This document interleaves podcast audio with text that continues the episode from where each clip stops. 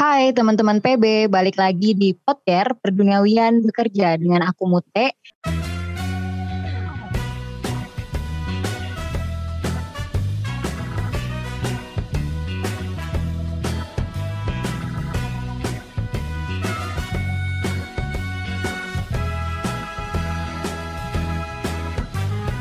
Di episode kali ini kita bakal ngobrolin seputar karir seorang UX researcher. Di sini aku udah bareng sama Kak Riana Yulianti. Halo Kak. Halo semua. Apa kabar nih Kak? Baik, baik. Kamu gimana Teh? Sehat-sehat, Alhamdulillah. Alhamdulillah. Aku baru kemarin ya Kak, baru kemarin kita ngobrol nih, ngobrol lagi nih ya. Semoga gak bosan ya Teh? enggak, enggak. Seru banget nih teman-teman. Ini kita lagi ngobrol bareng nih sama Kak Riana. Kita bakal bahas banyak hal ya Kak seputar boleh, UX boleh. researcher. Sebelumnya boleh dong Kak, Kakak kenalan dikit nih tentang diri Kakak. Halo semua pendengar, nama aku Riana. Aku sekarang sebagai UXR di Tani Hub. Ada yang udah tahu Tani Hub belum? Kalau aku kita... sih sempet nyari tahu ya kak. Oh, udah tahu ya teh ya. udah sempet nyari tahu Tani Hub itu apa. Boleh kak di, di preview dikit nih seputar Tani Hub. Jadi Tani Hub itu adalah sebuah aplikasi yang menjual bahan pangan, tapi sekarang kita udah ekspansi juga ke non pangan juga. Kita itu misinya adalah uh, menggapai semua petani. Terus kami itu mau semua masyarakat itu bisa merasakan seperti apa sih uh, hasil pangan khas asli dari negara kita sendiri. Kita tuh mau mempermudah memotong uh, jalur panjang yang tadinya mungkin dari petani harus ke pengkulak satu, pengkulak dua, pengkulak tiga. Nah sekarang kita langsung dari petani ke masyarakat. Jadi bisa menguntungkan petani sama masyarakatnya juga gitu. Oke, okay. aku belum pernah nih kan kak hmm. pakai Tani Hub itu sendiri. Cuma udah pernah lihat nih, udah kemarin tuh aku habis lihat fiturnya apa aja sih, terus ngapain aja sih itu ngapain gitu. Cuma dalam pelaksanaannya sih kak berarti ini tuh dari kita konsumen bisa langsung order ke petaninya langsung gitu atau gimana kak? Kita ordernya di aplikasi. Mm -hmm. Dari Tani Hub itu sebagian besar produk kita itu kita beli langsung dari petani gitu. Oh. Nah, Mute kalau mau belanja bisa langsung pakai aplikasinya. Gitu. Oke. Okay. Dan itu udah menjangkau di seluruh Indonesia nih kak? Hampir. Doain ya. Wah mantap banget ya. Oke okay, oke. Okay. Ini Kak Riana dulunya ini studinya ambil apa kak? Apakah juga berkaitan dengan pertanian dengan hal-hal yang berhubungan dengan tani atau atau gimana nih?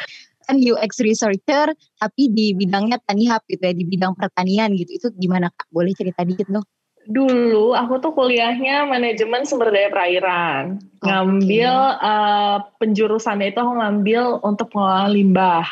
Nah dari kuliah itu aku emang udah suka penelitian. Cuma kan kalau orang IPA itu kan penelitiannya penelitian di laboratorium ya, berkaitan dengan kimia lah, segala macem. Ternyata pas lulus kerja itu itu lapangan pekerjaan untuk jurusanku itu kurang ya Teh ya kalau di Indonesia ya. Kurang begitu dilihat ya kalau soal limbah gitu-gitu. Hmm. Nah, aku mikir daripada kita nganggur, nggak ada kerjaan, awalnya tuh aku jadi admin di rumah sakit. Oke. Okay. Nah, terus waktu aku jadi admin, temanku itu udah ada duluan yang berkecimpung di dunia UI UX. Oh, nah, okay. dia ngajakin, ayo Ri, coba aja belajar, siapa tahu cocok. Nah, waktu belajar cocok ternyata. Dan karena aku kan juga orangnya suka ngomong. UX ini kan intinya ngomong-ngomong kan. Jadinya ah, kayaknya aku udah menemukan passionku nih. Jadi aku lepaskanlah pekerjaanku itu sebagai admin, aku terjun langsung gitu. Oke, tadi udah ada preview dikit ya teman-teman dari Kak Riana. Kalau UX researcher ini kerjaannya ngomong-ngomong, ayo coba. Ada yang mulai penasaran gak nih ngomong-ngomong tuh ngomongin orang atau ngomongin apa gitu ya? Oke, sebelumnya nih ya, sebelum kita lebih dalam nih Kak, boleh dong Kak dikasih tahu dulu nih ke teman-teman. Sebenarnya UX researcher tuh apa sih? Terus apa bedanya? Kan kalau kita sering dengar tuh kan ada UI UX, terus UI itu harusnya interface-nya. Kalau X to experience itu tuh gimana sih Kak? Boleh nggak ada previewnya dikit gitu? Nah, ini aku kasih contoh aja ya bedanya UI UI sama UX ya. Mungkin teman-teman pernah nggak perhatiin uh, botol sambal dengan tutupan yang di atas, bukannya jadi dari atas. Oh iya. Nah, itu adalah tampilan kan. Berarti ada botol yeah. sambal dengan bukaan di atas. Itu ada hmm. UI-nya. Oh, UX-nya itu adalah bagaimana cara si user uh, berinteraksi dengan botol sambal itu. Kan kalau mau mau pakai botol sambal berarti dibuka dulu, habis itu dia diputar balik kan. Dibalik. Iya, benar Nah, itu adalah UX-nya. Gimana cara si pengguna berinteraksi dengan produk kita itu adalah UX-nya. Gimana tampilannya itu adalah UI-nya, perwarupanya gitu. Kalau UX researcher itu adalah orang yang melakukan penelitiannya. Sedangkan penelitiannya itu berfokus pada apa yang user butuhkan pada produk kita. Jadi kalau riset-riset yang lain kayak market research kan contohnya gini, uh, apa sih sampo yang paling banyak digunain sama masyarakat zaman sekarang? Nah, hmm. misalnya udah tahu nih jawabannya sampo merek A. Nah, UX researcher itu cari tahu kenapa sih uh, user research itu pakai sampo merek A? Emangnya apa sih kelebihan dia dibanding yang lain? Emangnya dia punya kelemahan nggak sih? Okay. Apalagi sih yang perlu dikembangin gitu kalau UX researcher? Kepo okay. ya Mute ya. Iya kepo banget. Makin ke sini makin penasaran kan apalagi tadi disclaimernya di awal yang suka ngomong-ngomong kayak langsung kayaknya cocok gitu ya jadi UX researcher gitu nih. Oke okay, kak, kak kalau misalnya aku uh, kan tadi kan kakak yang ngejelasin kalau misalnya ngeriset gitu ya tentang pengalaman user atau pengguna dalam menggunakan suatu produk gitu ya kak. Nah itu berarti apa bedanya dengan researcher-researcher lain nih? Kan di perusahaan-perusahaan di company-company kan juga biasanya ada nih kan misalnya research and development gitu. Dia kan juga riset tentang apanya gitu. Maksudnya bedanya apa sih kak gitu kayak tadi kayak aku sebutin di awal, kalau UX researcher itu dia fokusnya pada kebutuhan pengguna, pada behaviornya pengguna. Jadi kita tuh bukan cuma tahu data, oh ada 100 orang yang gunain produk kita. Kita bukan cuma berdasarkan itu, tapi dari 100 itu kita harus tahu, ada nggak sih user yang mengalami kesulitan saat menggunakan produk kita. Kalau misalnya user itu udah senang, senangnya karena apa? Hmm. Kita nggak cuma berhenti, oh user udah senang nih, udah puas diri nggak bisa. Kita harus berkembang lagi. Apalagi sih yang bisa kita kembangin apalagi sih yang bikin user-user yang tadinya belum pakai produk kita tuh bisa pakai produk kita. Jadi kalau UX researcher itu dia tuh berfokus sentralnya itu adalah si usernya. Jadi kita nggak cuma berbicara soal data-data aja, tapi harus ada why, kenapa, ada apa dengan data itu gitu. Jadi lebih harus lebih kepo, harus lebih empati gitu. Kalau nggak sesuatu harus berempati, harus ngerasain user kenapa, emang kalau dikasih ini kenapa, dia suka atau enggak gitu. Jadi kayak orang PDKT, Oke, okay. Kak, itu berarti UX researcher itu hanya bisa diterapkan di semacam aplikasi kayak gitu atau misalnya dalam banyak hal sih Kak. Kalau tadi kan ada tuh contohnya botol saus gitu ya. Sebenarnya itu ada lingkupnya nggak sih Kak? Itu UX researcher itu penerapannya di mana? Oh, UX research, UX research itu bisa diterapin di berbagai macam hal, kayak nggak cuma di aplikasi aja. Kayak tadi aku contohin ya botol saus. Terus kalau sekarang juga kalian pernah nggak lihat botol sampo yang sekarang bukaannya udah di bawah nggak di atas? Ya, jadi uh, uh, mudah ya Kak, uh, betul. Terus kayak aku dulu pernah riset tentang kemasan beras jadi kemasan beras seperti apa sih yang sebenarnya diinginkan sama pengguna-pengguna aplikasi kita? Kemasan beras yang biasa, nggak ada pegangan, atau kemasan yang ada pegangan, pakai karung goni atau pakai plastik, atau pakai karung laminasi. Jadi UX itu nggak terbatas cuma uh, di telepon genggam aja, cuma di aplikasi aja enggak, tapi di berbagai macam hal sebenarnya kalau bisa disadari sama masyarakat zaman sekarang gitu. Kan kamu nggak bisa buat produk cuma berdasarkan oh user suka warnanya pink udah dibuat pink semua misalnya botol sampo-nya kan hmm. tapi kita nggak tahu cara cara user berinteraksi dengan botol pink itu nanti gimana terserah deh yang iya, penting warnanya pink kan nggak bakal laku juga gitu Iya iya. Oke, aku jadi semakin tertarik ya seputar UX researcher nih. Semoga teman-teman uh, eh, PB semua nih mulai kayak semakin penasaran gitu mana tahu gitu kan jodohnya di sini gitu ya kak. tahu ya. Dengerin podcast kita gitu. Ah, habis ini cari tahu lah gitu. Oke kak aku penasaran lagi nih jadinya. Boleh boleh. Jadi UX researcher nih. Tadi kan pengalaman studi kakak itu sebenarnya nggak ada kaitannya hmm. gitu ya dengan kalau misalnya orang mungkin mikir UX researcher terus kakak nih dari perikanan gitu kan. Padahal yang maksudnya fokusnya juga nggak didesain tentang maksudnya research tentang ikan juga gitu experience bukan seputar ikan itu gimana sih kak tahapannya seseorang menjadi seorang UX researcher tuh gimana sih? Sebenarnya buat menjadi UX researcher itu nggak perlu hal-hal yang ribet atau mengeluarkan banyak uang ya. Sebenarnya simpel aja. Kita pertama tuh harus empati. Kenapa sih harus empati? Kayak tadi aku sebutin di awal ya, kalau misalnya kita itu berbicara dengan user, kadang user tuh ngomongnya A, tapi kalau kita nggak berempati, kita tuh cuma tahu oh ya A, padahal sebenarnya maksud dia B. Jadi kita harus hmm. berempati, kita harus merasakan apa yang benar-benar dia rasakan. Kadang dia bilang dia susah pakai aplikasi ini, tapi ternyata bukan susah, dianya aja belum ngerti ternyata. Jadi kita harus berempati Terus kedua, sebagai seorang UX researcher itu harus pandai berkomunikasi. Jadi buat teman-teman yang komunikasinya lancar, yang suka cuap-cuap, itu boleh banget belajar UX. Udah cocok nih kayaknya abis ini belajar lah sama Karyana ya kak. Kenapa berkomunikasi? Karena UX itu bukan cuma berkomunikasi dengan user, tapi kita banyak berkomunikasi dengan pihak-pihak lain, terutama di dunia pekerjaan ya, dengan UI, dengan engineer, dengan PM. Bahkan kadang kalau misalnya keputusannya penting banget, kita sampai ke level C. Terus yang ketiga harus kepo. Kayak anak zaman sekarang kepo semua deh ya. Jadi kalau misalnya kalian lagi pakai satu produk atau lagi pakai satu aplikasi, kalian tuh harus mulai memunculkan dalam hati kenapa sih dia milih buttonnya warna hijau, kenapa sih nggak warna merah, kenapa sih icon keranjang itu di atas, kenapa nggak di bawah, kenapa sih ada wishlist, emang apa sih pentingnya wishlist, jadi harus kepo, tapi kalau kepo semua orang juga bisa kepo kan, kayak dari yang tiga aku sebutin itu, tiga-tiganya semua orang bisa deh, tanpa harus mengeluarkan uang buat belajar atau gimana-gimana kan. Iya benar Terus yang keempat, harus rajin baca buku, karena kalau UX, UI, produk itu kan terus berkembang ya user itu kadang misalnya tahun ini dia sukanya tema aplikasi yang warna-warna cerah. Bisa jadi tahun depan dia sukanya yang pakai animasi-animasi gitu kan. Jadi kita tuh harus terus rajin belajar, terutama baca-baca medium tuh yang gratisan kan. Mm-hmm. Jadi jadi sudut pandang kita, pikiran kita tuh terus terbuka sama yang baru.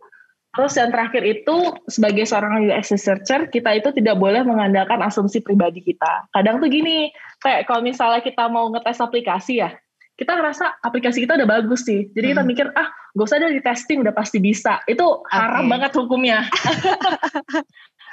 Asumsi kita itu cuma boleh ada dalam diri kita sendiri. Tetap okay. yang utama itu adalah punya user. Jadi pikiran kita tuh harus terbuka. Nggak boleh kita tuh mengegoiskan, mengkedepankan apa yang kita pikirkan. Jadi kita tuh harus terbuka harus dari user, setelah dari user kita harus lempar lagi ke dalam grup kita, ke UI, ke PM untuk menentukan uh, jawaban yang tepat dari permasalahan yang sedang kita hadapi gitu teh. Oh, Gampang kan? Agak makin ke sini makin kelihatan rumit gitu ya kak. Banyak banget, terusnya kompleks banget nih kerjaannya UX researcher tuh nggak sekadar meriset terus selesai gitu. Banyak hal yang berhubungan dengan UX researcher itu sendiri gitu ya kak. Berarti kalau balik tadi ke kualifikasi awal, ibaratnya minimal lah ya kalau yang berkaitan dengan soft skill tuh bisa tuh diasah-asah sendiri gitu ya. Kepo, empati, harus nyari tahu dan segala macam gitu ya kak. Nah kalau misalnya yang semacam ada pendidikan informalnya gitu nggak sih kak sertifikasi atau atau apa sih gitu yang supaya kita bisa jadi seorang UX researcher nih tahapannya gitu.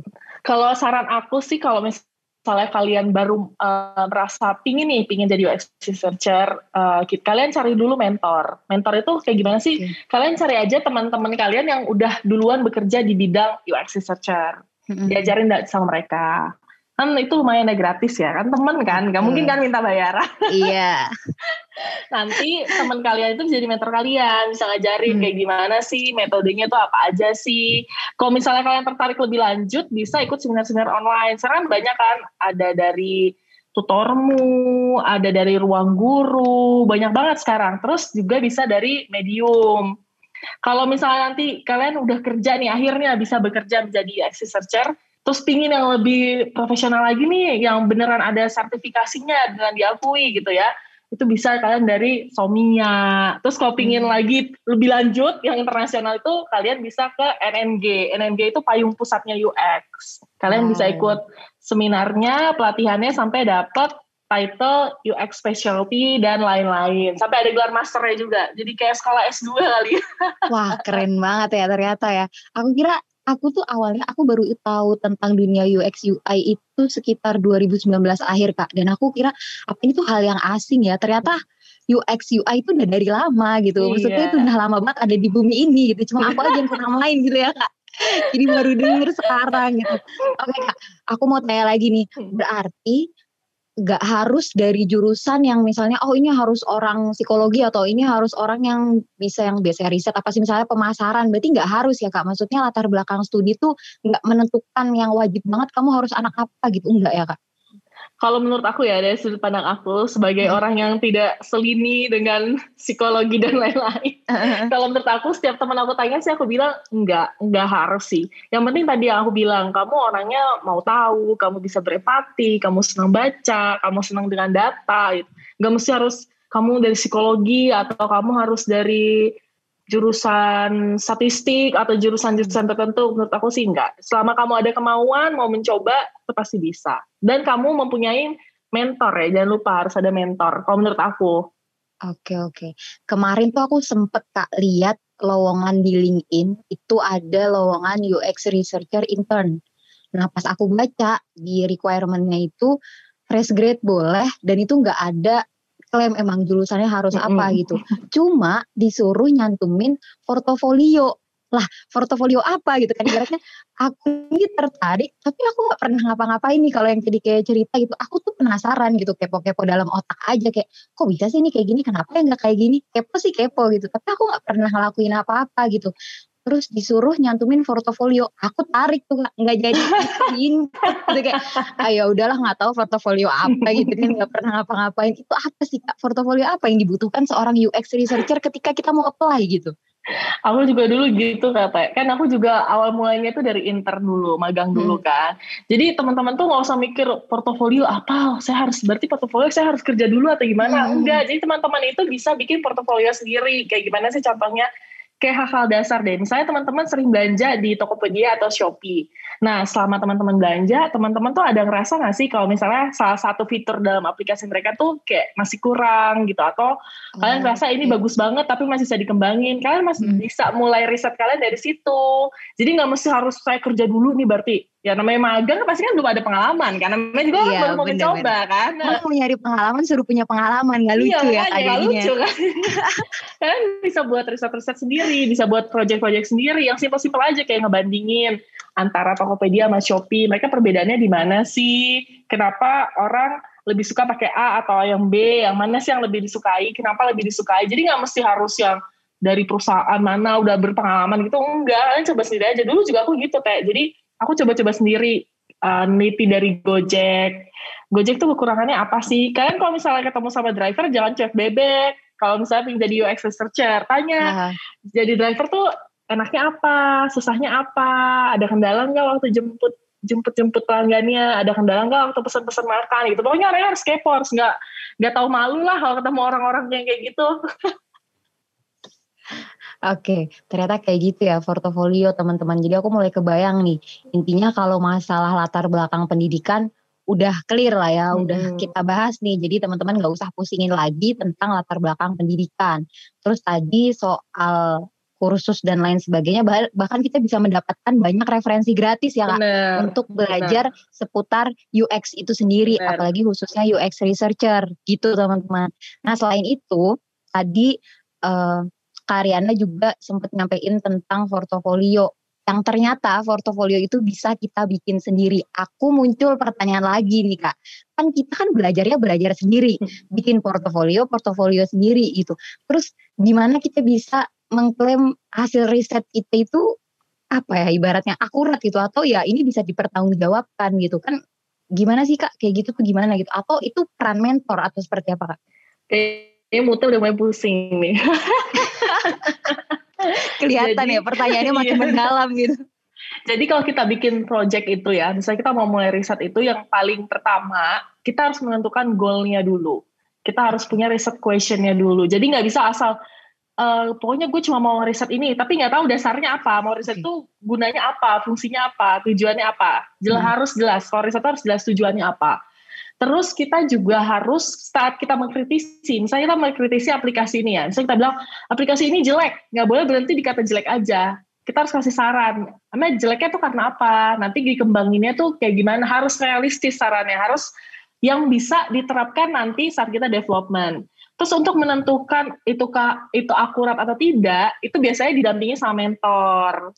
Okay. Dan kamu harus menggunakan metode-metode yang jelas dan benar. Jadi nggak bisa cuma kamu nih misalnya teh kamu pingin nguji aplikasi nih pingin nguji bisa nggak sih uh, tetangga-tetangga gue ini pakai Shopee atau pakai Tokopedia tapi kamu ujinya cuma ke satu orang. Iya. Yeah, kan okay. kamu nggak ketemu nggak ketemu patternnya. Kalau UX yeah, itu betul, bukan kuantitas, tapi kamu harus sampai ketemu patternnya. Jadi kalau misalnya hmm. kamu uji ke lima orang patternnya udah sama, lima limanya udah bisa, berarti itu udah valid. Oh ya berarti bisa. Okay. Gitu. Jadi nggak bisa kamu uji itu cuma ke satu orang nih atau ke mamamu doang. Ma, pakai nih Tokopedia, selalu bisa. Terus bilang semua orang di Indonesia bisa pakai Tokopedia. Nah itu udah gak valid pasti.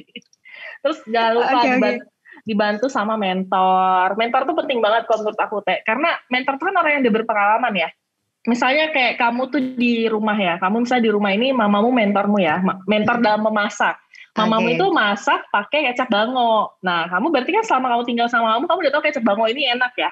Jadi saat kamu menikah, kamu gak perlu lagi coba-coba cari kecap yang lain. Karena kamu Karena udah tahu dari mentor. Bener, enak gitu. Itu okay. mentor. Jadi kita belajar dari pengalamannya beliau.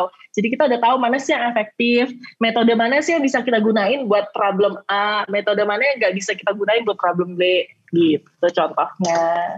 Oke oke semakin menarik nih kak. Tadi udah disebut tentang metode. Hayo loh, aku semakin kepo gitu kan. Nah boleh gak sih kak coba dong dikasih gambaran dikit nih ke teman-teman yang lagi dengerin kita berbincang-bincang dalam proses pembuatan satu uh, research aja deh kak apa gitu. Yang itu sudah mencakup urut-urutannya itu seperti apa, terus menggunakan metodenya seperti apa. Yang paling sederhana tuh kira-kira yang gimana sih kak? Supaya bisa jadi gambaran nih, mana tahu teman-teman yang lagi dengerin mau bikin portofolio sendiri okay. gitu kan. Gimana tuh Kak? Sebenarnya metode UX itu ada banyak banget, tapi hmm. dari pengalamanku ya, yang paling sering digunakan itu yang paling pertama tuh interview. Interview itu kita kayak ngomong-ngomong kayak gini nih interview. Hmm. Terus yang kedua tuh ada UT. UT itu usability testing. Apa sih itu? Jadi misalnya kita punya tampilan aplikasi nih kita mau menguji hmm. si user ini udah bisa belum sih pakai tampilan seperti ini atau jangan-jangan nggak bisa kalau nggak bisa kita sebenerin lagi sampai usernya bisa itu namanya UT terus juga hmm. survei survei pasti teman-teman udah pada tahu ya survei ya kan dia skripsi juga pakai survei itu kan buat nyebar-nyebar questionnaire hmm, betul betul nah terus juga ada konsep testing kalau UT tadi itu kan dia udah berupa prototype prototype itu artinya perwarupanya itu dia bisa diklik-klik. Jadi kalau Mute pakai aplikasi itu kan misalnya klik apa bisa kelempar ke halaman apa, itu prototype. Nah kalau konsep testing itu dia cuma tampilan gambarnya aja, belum bisa diklik. Biasanya itu kami gunakan kalau butuhnya dalam waktu cepat. Misalnya hari Kamis eh, desainer udah ngasih tampilan, tapi hari Senin kita udah harus masuk ke development. Nah udah kalau mau cepat kayak konsep testing. Karena mungkin cuma satu halaman bisa. Tapi kalau misalnya kita tes banyak, berhalaman-halaman dan kita ingin tahu flow-nya user itu pakainya UT. Itu yang paling sering dipakai selama aku kerja ya. Kalau yang lain-lain tuh ada banyak, tapi yang itu dulu lah teman-teman belajar yang itu dulu. Kalau interview mah udah masih bisa ya, UT, hmm. concept testing, survei. Terus kalau proses kerjanya selama ini aku, kalau UX itu sebenarnya mendapatkan masalah itu bukan cuma dari diri kita sendiri saat gunain, tapi hmm. masalahnya bisa dari banyak dari customer service bisa. Kenapa dari customer service bisa? Customer service itu kan nerima telepon ya, dia nerima komplainan dari user-user kan. Entah dia komplain uh, produknya nggak nyampe, entah dia komplain barangnya busuk. Nah, kita bisa dapat masalah dari customer service. Terus yang kedua, kita bisa dapat masalah dari product manager. Product manager itu biasanya dapat masalah dari data-data. Misalnya mereka ngeliat data, oh ada penurunan di sini, kenapa? oh user masukin ke dalam keranjang tapi nggak check out kenapa? Nah itu juga bisa jadi masalah kita. Terus yang ketiga kita juga bisa dapat masalah dari desainer. Misalnya desainer buat satu tampilan tapi kita belum yakin nih usernya bisa atau enggak pakai tampilan ini. Nah itu kita UT itu juga bisa jadi masalah kita. Dari level C juga bisa jadi masalah. Misalnya level C kita ingin mengeluarkan fitur baru tapi kan nggak bisa asal ujuk-ujuk langsung dikeluarin kan harus kita tes dulu itu juga bisa jadi masalah kita bisa juga dari marketing, bisa juga dari growth. Pokoknya masalah UX itu adalah dari keseluruhan kantor. Oke. Okay. jadi semua itu bisa jadi sumber penelitian kita. Jadi kita nggak boleh tertutup cuma oh yaudah pokoknya gue fokus pakai produk gue aja nih, fokus yang ada di aplikasi aja. Fokus yang ada di tribe gue aja atau di squad kita. Nggak bisa. Kita harus mendengarkan sekeliling. Dari customer service lah dari product manager lah dari level C lah dari marketing dari growth. Jadi masalah itu banyak. Setelah kita mendapatkan masalah kita buat dulu riset plan-nya. Riset plan itu kita tulis di situ apa sih goal kita melakukan riset ini? Yang kita harapkan tuh apa? Yang ingin kita tahu dari riset ini tuh apa hmm. jangan lupa kita buat juga riset questionnya apa objektifnya apa timelinenya seperti apa. Kalau dunia kerja itu harus ada timeline. Kalau kita bilang tanggal 15 keluar, report harus keluar. Karena itu akan mempengaruhi yang lain kan. Jadi iya, bisa betul, betul. tanggal 15 terus eh ngaret deh tanggal 14 aja ya nggak bisa lagi. nego-nego tanggal. Nggak bisa nego-nego tanggal. Setelah udah kita buat riset plan-nya, udah disetujui sama semua, kita lakukan risetnya lakukan riset, olah data, kita temukan insight-nya, segala macam sampai dia menjadi report. Baru kita hmm. laporkan biasanya. Nanti kalau udah jadi report, nanti dari desainernya ngambil alih. Oh, jadi kemarin dari hasil riset Riana ternyata warna merah ini bikin user merasa ada yang salah. Kalau pakai button okay. warna merah, kita ganti deh buttonnya warna hijau. Nah, saya udah dirubah nih jadi warna hijau. Besok dites lagi gitu terus teh. Iterasi satu, iterasi okay. dua, iterasi tiga sampai usernya tuh benar-benar bisa menggunakan aplikasi kita. Baru oh ya selesai. Ganti masalah selanjutnya gitu gitu. Okay. Panjang dia, kayak jalan tol. ya ternyata ya. Oke kak, itu kan tadi kalau misalnya udah di perusahaan kita udah punya partner gitu buat bekerja sama. Misalnya uh, researcher udah bisa ada desainernya dan segala macam rupa gitu. Tapi kalau buat kita yang baru mau memulai portofolio sendiri. Terus tadi kakak sebut ada prototype yang wujudnya udah harus bisa di tap dan segala macam. Buat kita kita nih apa aku sebut aku aja deh ya kak yang merasakan gitu nggak bisa desain nggak ngerti gitu-gitu. Cuma aku cuma pengen jadi researcher murni nggak pengen berkaitan dengan bikin desain itu aku harus apa gitu kak? Apakah aku bisa partneran dengan orang lain atau kayak gimana sih kak? Kalau aku dulu ya, Teh, aku kan juga dulu hmm. belum bisa pakai gitu-gitu ya. Aku dulu hmm. diajarin mentorku itu digambar di kertas aja. Oke. Okay. Nah, jadi kalau misalnya kamu habis UT, kamu habis testing desain gitu, misalnya uh, di button kamu warna merah, terus itu user hmm. ngerasa gak bisa pakai button warna merah, kan dia ngerasa itu salah. Button merah itu mungkin user punya perspektifnya itu itu ada sesuatu yang salah kalau warna merah gitu kan. Terus kamu gambar aja di kertas, kamu tinggal tulis hijau di Seru banget. semudah itu. Jadi nggak usah berpikiran oh harus ini bisa desain, aku belum bisa desain gimana ya? Kalian bisa gambar, kalian juga bisa menggunakan kata-kata. Yang penting kata-katanya itu bisa dipahami dengan jelas oleh audiensnya. Dulu juga aku nggak bisa, kan? Aku juga dulu bingung gimana nih aku kasih saran gimana? Aku nggak bisa desain, aku nggak bisa apa-apa. Jadi aku gambar aja di kertas, aku gambar di kertas. Yang penting saat aku menyampaikan maksudku, orang-orang tuh ngerti, nggak ada miskomunikasi. Pakai kata-kata juga bisa kalau kamu nggak bisa gambar juga misalnya mentok ya nggak bisa gambar juga gitu. Makanya kata-katanya dijelasin ganti ini dengan menggunakan ini. Karena kenapa jelasin kenapa harus diganti dengan warna ini? Harus jelas. Kamu nyuruh orang ganti harus jelas tujuannya apa gitu. Emang kalau nggak diganti terjadi apa? Itu harus jelas gitu.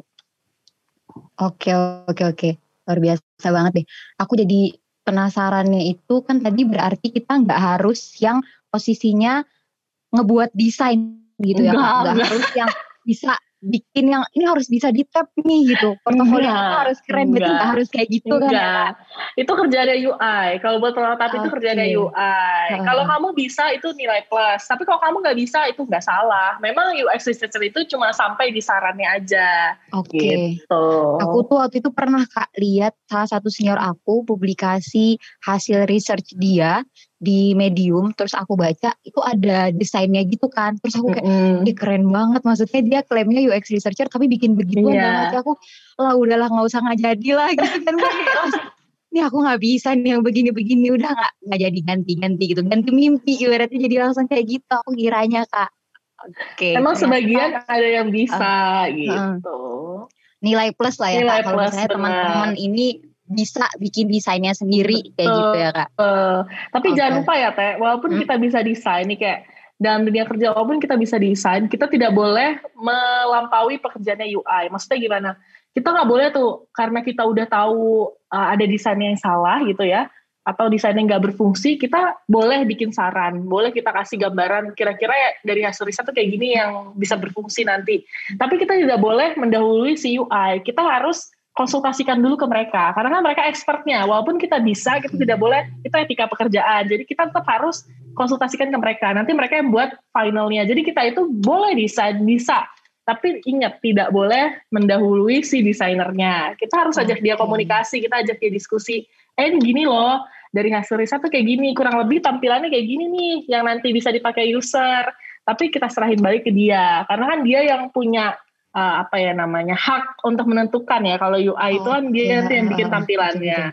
Jangan lupa itu tadi komunikasi Pak harus lancar berkomunikasi. Tidak boleh mengandalkan diri sendiri. Oh karena gue bisa uh, riset, gue bisa desain aja sendiri aja gitu ya. Hajar habis gitu kan.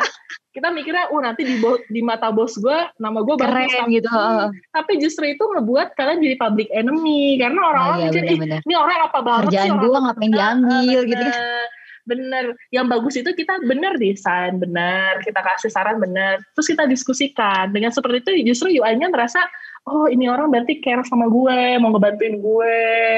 Terus dia ngajak diskusi dulu sebelum apa-apa, nggak langsung ambil hmm. tindakan sendiri gitu. Ingat, itu harus ingat etika kerja. oke, oke, oke, mantep banget. Ibaratnya kalau misalnya kita spesifiknya udah di researcher mah, ya udah kita ngeriset, pun kita bikin desain tuh semacam kayak sketsa yang buat ngasih bener. gambaran ke desainer kita bener, gitu ya kak. Benar. Oke oke oke. Oke udah semakin jelas nih ya tentang portofolio. Semoga teman-teman yang ngedengerin udah nggak kayak, duh aku nggak bisa desain kayaknya nggak mungkin deh jadi researcher gitu ya. Semoga udah nggak ada nih pikiran-pikiran kayak gitu. Atau jangan-jangan hanya aku gitu ya yang berpikir kayak gitu. Semoga membantu nih teman-teman yang ngedengerin di sini. Nah kak, boleh nggak sih kak hmm. kasih cerita dikit portofolio pertama kakak waktu itu kayak gimana kak? Portofolio pertama itu, aduh aku masih inget nggak ya? Dulu itu ya mentorku itu rada-rada kejam. Hmm. Jadi setiap Sabtu Minggu itu aku disuruh nge-review aplikasi-aplikasi. Jadi tiap minggu tuh dia nanyain, apa aplikasi ini? Kamu minggu ini udah nge-review apa? Biasanya sih aku cuma yang gampang-gampang aja, Teh. Kayak misalnya uh. cara login gimana, uh cara check out di aplikasi kayak gimana sampai akhirnya mutusin buat bener-bener mau berkecimpung di dunia UX. Nah itu waktu itu aku ngelamar ke Gojek. Jadi kalau misalnya kalian ngelamar-ngelamar ke startup ya, misalnya kalian ngelamar ke Gojek, ke Traveloka, ke Tanihub, ke ya tempat-tempat lain, itu kan pasti ada test case-nya. Nah, test case-nya itu nanti kalian kerjain tuh. Itu bisa jadi portofolio kalian juga, itu disimpan. Gitu. Jadi kalau misalnya kalian dikasih test case, misalnya misalnya amit-amit belum keterima. Kalian jangan berpikir ah udah ngerjain capek-capek nggak keterima. Enggak justru kalian bersyukur. Karena kalian udah ngerjain tes case itu kalian udah lebih terasah udah punya portofolio yang bagus gitu. Oke kak. Kalau misalnya yang pernah kakak kerjain sendiri ada nggak kak? Portofolio yang paling kakak inget gitu dalam proses pembuatannya? Kalau portofolio ya aku tuh paling inget ya itu waktu ngerjain yang dari punya Gojek ya. Karena itu bener-bener aku ngomong sama driver langsung teh, bener-bener nyari driver di jalanan. ngajak mereka ngobrol, bener-bener yang ya gitu kayak tambah sendiri aja. Ngajak ngobrol tuh bener-bener ada tuh asik banget ya, sumpah aku suka akrab aja lah kita pokoknya iya, ya kak aja. Nggak kenal nggak kenal asal berhentiin aja. Atau waktu naik kamu mesen misalnya kamu mesen driver ya. Kamu pesen kamu kasih tujuan yang jauh terus kamu aja ngomong aja sepanjang perjalanan itu paling berkesan sih buat aku. Karena itu pertama kalinya bener-bener dilepas mentor dan bener-bener kayak harus mikir sendiri apa yang harus gue tanyain ya. Terus gimana ya nanti kalau misalnya dia nggak nyambung atau diajak ngobrol terus gimana ya kalau nanti dia waktu ngobrol malah melebar ke mana-mana nggak sesuai dengan guideline yang udah dibuat. Itu benar-benar dilepas sama mentor banget dilepas lepasin dah. Dah lu kerjain sendiri pokoknya gue nanti cuma ngeliat hasil reportnya. Itu udah kayak campur aduk tapi ujungnya seneng karena ternyata oh bisa ya oh ternyata okay. begini ya gitu. kayak takut-takut doang taunya bisa juga ngerjainnya gitu ya kak oke oke oke wah luar biasa ya bisa tuh teman-teman pendengar di sini teman-teman PB semua coba nih ya berarti harus punya mentor ya kak itu harus banget ibaratnya Betul. hal yang penting gitu ya ketika mm -hmm. kita punya mentor yang emang sebelumnya itu udah berkecimpung di dunia UX oh. researcher gitu supaya kita ada gambaran ada yang memandu ini baiknya seperti ini betul. dan segala macam. Oke. Okay. Betul, betul banget tuh teh. Makanya bisa dimulai dari magang. Karena kan kalau hmm. kamu magang kan pasti kamu dapat mentor kan. Iya, benar-benar. Nah, gitu. Oke. Okay. Tadi udah disampaikan juga skill apa, kemampuan apa dan pengetahuan hmm. apa yang kita butuhin gitu ya, Kak. Hmm. Nah, uh, kalau tadi kak yang seputar kita bekerja nih nantinya kalau misalnya kita ada di lingkungan UX UI di dalam suatu perusahaan gitu ya alur bekerjanya itu bisa diceritain lebih detail nggak kak kayak dari researcher dulu atau awal mulanya misal dari masalah terus ke mana itu gimana tuh kak? kalau masalah kayak yang tadi aku jelasin, masalah itu bisa datang dari diri kita sendiri. Diri kita sendiri, maksudnya kita sendiri sebagai researcher merasa masih ada yang kurang dari flow kita atau dari tampilan kita. Bisa dari PM, bisa dari desain, bisa dari level C, bisa dari macam-macam. Kalau masalah tuh dari mana pun terbuka kalau UX. Karena kan pasti ada aja masalahnya ya.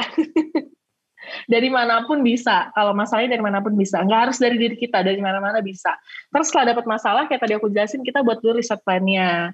Kita jelasin ke orang-orang. Plannya seperti ini loh. Metode ini yang bakal kita gunain nanti hasilnya itu bisa didapatkan kayak gini, di kapan dapat hasilnya gitu. Terus kita mulailah risetnya, terus kita mulailah uh, dari hasil riset itu kita bakal dapat data kasar tuh, kan nggak hmm. mungkin kita kasih ke orang data kasar, kan nggak ya, mungkin bener. hasil hasil interview gitu rekamannya saya kasih ke Putih ini teh laporannya dengerin sendiri kan nggak mungkin kan kita harus dengerin kita harus dengerin lagi interviewnya kita tangkap hmm. insight-insightnya Terus setelah itu baru kita rangkum, kita jadikan sebuah presentasi atau report. Nah, nanti oh. baru kita undang tuh semua orang yang berkaitan dengan masalah itu untuk dengerin presentasi kita. Dan baru situ kita melakukan tanya jawab. Di situ kita berdiskusi untuk menentukan kira-kira apa sih yang paling tepat. Kita udah punya nih, kita punya saran. Nah, saran kita itu kita lempar balik ke mereka. Kira-kira gini bisa nggak sih dari sisi desainer bisa nggak, dari sisi engineer bisa nggak, dari sisi bisnis bisa nggak, jangan lupa ya. Jadi UX itu adalah yang menjembatani antara si user dengan si bisnis. Jadi kita nggak bisa cuma kata user begini, tapi kita nggak lihat sisi bisnisnya. Jadi itu harus bisa menjembatani. Kita okay. harus bisa menjembatani apa sih yang user mau dengan kebutuhan bisnis. Jadi semuanya itu bisa berjalan dengan baik. Itu namanya sweet spotnya UX. Jadi UX itu di tengah bisnis dan kebutuhan user gitu. Kayak Muta udah mulai pusing ya. Kelihatan banget ya kakek. Aduh banyak juga ternyata yang harus dipikirkan gitu ya. Oke ternyata nggak semata-mata karena ya kita kan harus melihat user experience gitu. Ya udah cuma experience user aja yang dipikir gitu kan. Tahu-tahu bisnisnya rugi kan nggak lucu ya kayak. Itu kenapa berarti fungsinya UX itu emang ada di tengah-tengah ibaratnya jembatan iya, antara bisnis dan si pengguna itu sendiri bener. gitu ya. Oke oke luar biasa banget ya teman-teman pembicaraan kita siang hari ini tuh kayak sangat padat gitu isinya daging semua kata orang-orang sekarang lah ya. Oke, Karyana, apa hmm. tantangan yang paling kakak rasain selama kakak menjadi seorang UX researcher? Kalau sekarang ya lagi pandemi gini sih teh, yang paling aku rasain tuh susah cari partisipan kalau mau riset. Okay. Hmm, kalau dulu kan karena kita bebas ke mana aja ya, kita datengin user tinggal telepon, kabarin, Bu, saya dari Tanihub, mau riset, mau izin datang gitu ya, orang terima gitu kan. Hmm. Kalau sekarang susah, susah banget buat cari partisipan. Terlebih lagi kalau misalnya partisipan kita itu nggak high tech, kalau misalnya oh, kita mau iya, bener -bener. uji desain dari aplikasi gini ya, pakai Zoom atau pakai Lookback itu, kita harus training dia dulu sampai beneran bisa, biar iya, nggak iya, salah-salah. Bener, uh, itu tantangan waktu pandemi ini, yaitu cari partisipan, itu yang paling susah. Sama kedua, yang pasti dihadapi sama semua UX researcher itu adalah asumsi. Kita itu harus banget, banget dari dulu aku ditekanin sama mentor-mentor kita itu harus menahan asumsi kita. Kita boleh punya asumsi, tapi tetap harus mendengarkan user. Kadang kan kalau misalnya kita pikir, ah males, ah riset, males, ah ke sini, males, ah situ, orang udah kok, kita udah tahu kayak gini, kita udah tahu bakal jawabannya A gitu. Padahal yeah. belum tentu. Padahal jangan usernya B itu harus banget itu menekan ego dan asumsi kita sendiri itu sebenarnya susah. Tapi itu akan terbiasa kalau sudah jam terbangnya tinggi gitu. Oke okay, oke. Okay. Ada lagi kak? Atau dua hal itu nih yang paling kakak rasain belum lama ini? Dua hal itu sih, kalau menurut aku dua hal itu sih. Oke, mungkin teman-teman yang poin kedua tuh yang benar-benar harus jadi catatan banget ya kak. Benar. harus banget bisa untuk berusaha nahan ego kita. Bener. Kayak kalau misalnya lihat misalnya produk kita, ini tuh udah bagus gitu ya, batannya tuh udah oke, okay, ini tuh Bener. udah mudah itu untuk kita gitu ya. Benar. Itu udah ngerasa user friendly gitu, tapi kita nggak tahu nih user kita di luar sana tuh kayak gimana Bener. gitu ya kak. Oke oke oke. Wah luar biasa. Nih ngomong-ngomong soal pekerjaan di UX mm-hmm. researcher gitu. Boleh dong Kak dicipratin dikit-dikit gitu kira-kira kisarannya gitu ya. Kisarannya nih teman-teman yang ada di bidang ini itu untuk salary range-nya ada di kisaran berapa nih kak? Kalau buat junior gitu lah. Aku nih biar masih makin kayak, wah pengen jadi UX researcher gitu. Boleh dong kak, itu perhatiin dikit aja. Sebenarnya kalau uh, salary uh, range itu tergantung sama posisi kamu apa dan di perusahaan yang seperti apa. Misalnya hmm. posisi kamu junior di perusahaan yang biasa gitu ya. Mungkin hmm. kamu bisa dapat kisaran 5 sampai 8 juta. Tapi kalau kamu tuh udah di unicorn yang udah gede gitu, itu mungkin hmm. kamu startnya bisa dari 10 juniornya. Okay. Gitu. Nyana asik kan? Bisa bayangin kan kalau udah langsung kaget kan. Halo, halo, langsung kaget gitu kan. Ini langsung gak ada suaranya, sinyalnya terputus gitu kan. Oke, Oke, luar biasa. Tapi juga bukan hal yang mudah untuk didapatkan gitu ya kak. Kita punya banyak hal yang perlu kita lakukan gitu. Nggak bisa yang kayak tiba-tiba aku mau jadi UX researcher terus nggak pernah ngapa-ngapain gitu kan. Iya kepo, benar. aja nggak mau gitu ya. Hmm, terus tiba-tiba benar benar ngelamar jadi intern UX research gitu. Kamu bisa apa gitu? Ya nggak apa-apa lah pengen aja gitu. kamu harus bertanggung jawab benar. Semakin besar yang kamu dapat, semakin besar tanggung jawabmu.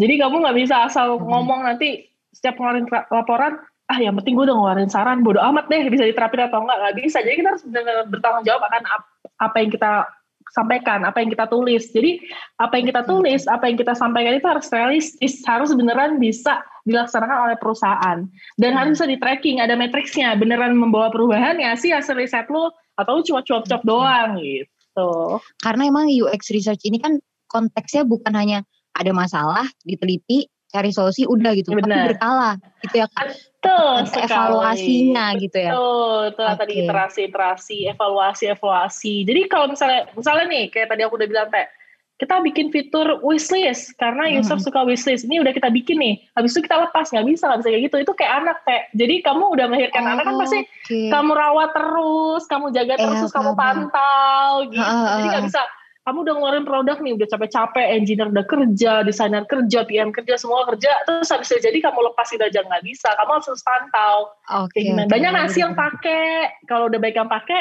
mereka sukanya di mana sih? Apalagi yang bisa dikembangin gitu. Jadi nggak bisa ujung-ujung kamu brojol terus kamu titipin mati asuhan. Kan nggak bisa kayak gitu kan? Iya, iya, kamu bener, rawat bener. Gitu. perumpamaannya tuh sangat bisa dipahami gitu ya. Ibaratnya kita punya anak terus ya kalau udah punya anak ya diurusin gitu nggak semerta-merta langsung ditinggalin gitu. Betul. sama halnya dengan ketika kita ciptain fitur baru misalkan ya kita harus melihat tuh itu dia berkembang atau kayak gimana Betul gitu ya kak ya? sekali. Oke okay, baik kak. Terakhir nih sebelum kita mengakhiri perbincangan panas kita perbincangan panas. Sangat pusing gitu ya pikirannya gitu. Boleh dong kak dikasih sedikit tips and trick atau pesan-pesan nih buat teman-teman PB yang udah mulai tertarik dengan dunia UX researcher atau yang setelah mendengarkan ini tuh langsung kayak wah kayaknya gue bisa deh ada di sini. Boleh dong Kak, apa tuh? Kalau pesan buat teman-teman semua yang ternyata setelah mendengarkan ocehanku ini merasa terpanggil menjadi UX researcher, yang kamu harus lakukan pertama, menurut aku yang paling simpel ya, kamu kan pasti teman-teman punya Telegram. Join aja ke UI UX Indonesia.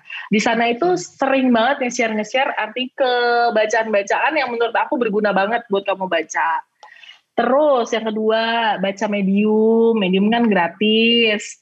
Kalau punya temen yang bekerja di dunia UX researcher, jangan sungkan-sungkan buat minta tolong mereka ajarin, jadi mereka mentor. Gak perlu ngeluarin uang mahal-mahal buat seminar ini ini itu itu ini nanti aja. Kalau kalian udah bener-bener udah terjun di dalam gitu. Terus jangan pernah berputus asa. Okay. karena jadi researcher itu memang kadang kita nemuin masalah tapi nggak boleh berhenti. Hmm. sama riset itu mungkin kita nemuin masalah kayak tadi aku bilangnya pandemi susah ketemu partisipannya. Hmm. kita nggak boleh nyerah terus cari gimana caranya dan tidak boleh berhenti merasakan empati dan kepo karena itu adalah nafasnya UX harus berempati dan kepo. Kalau kamu berhenti kepo kamu berhenti pingin tahu kamu berhenti untuk berempati dan kamu cuma merasa puas sama produk kamu ya kamu nggak bakal berkembang kamu gitu-gitu aja gitu. Pokoknya teman-teman harus semangat. Semangat. Aku langsung merasa kayak duh karyanya ini luar biasa gitu ya nanti aku kalau gede jadi kayak Karyana deh Emang sekarang belum gede ya Teh? Oh, belum gede dong, ini masih kecil dong Kak. Baru lulus kemarin sore masih kecil namanya berarti.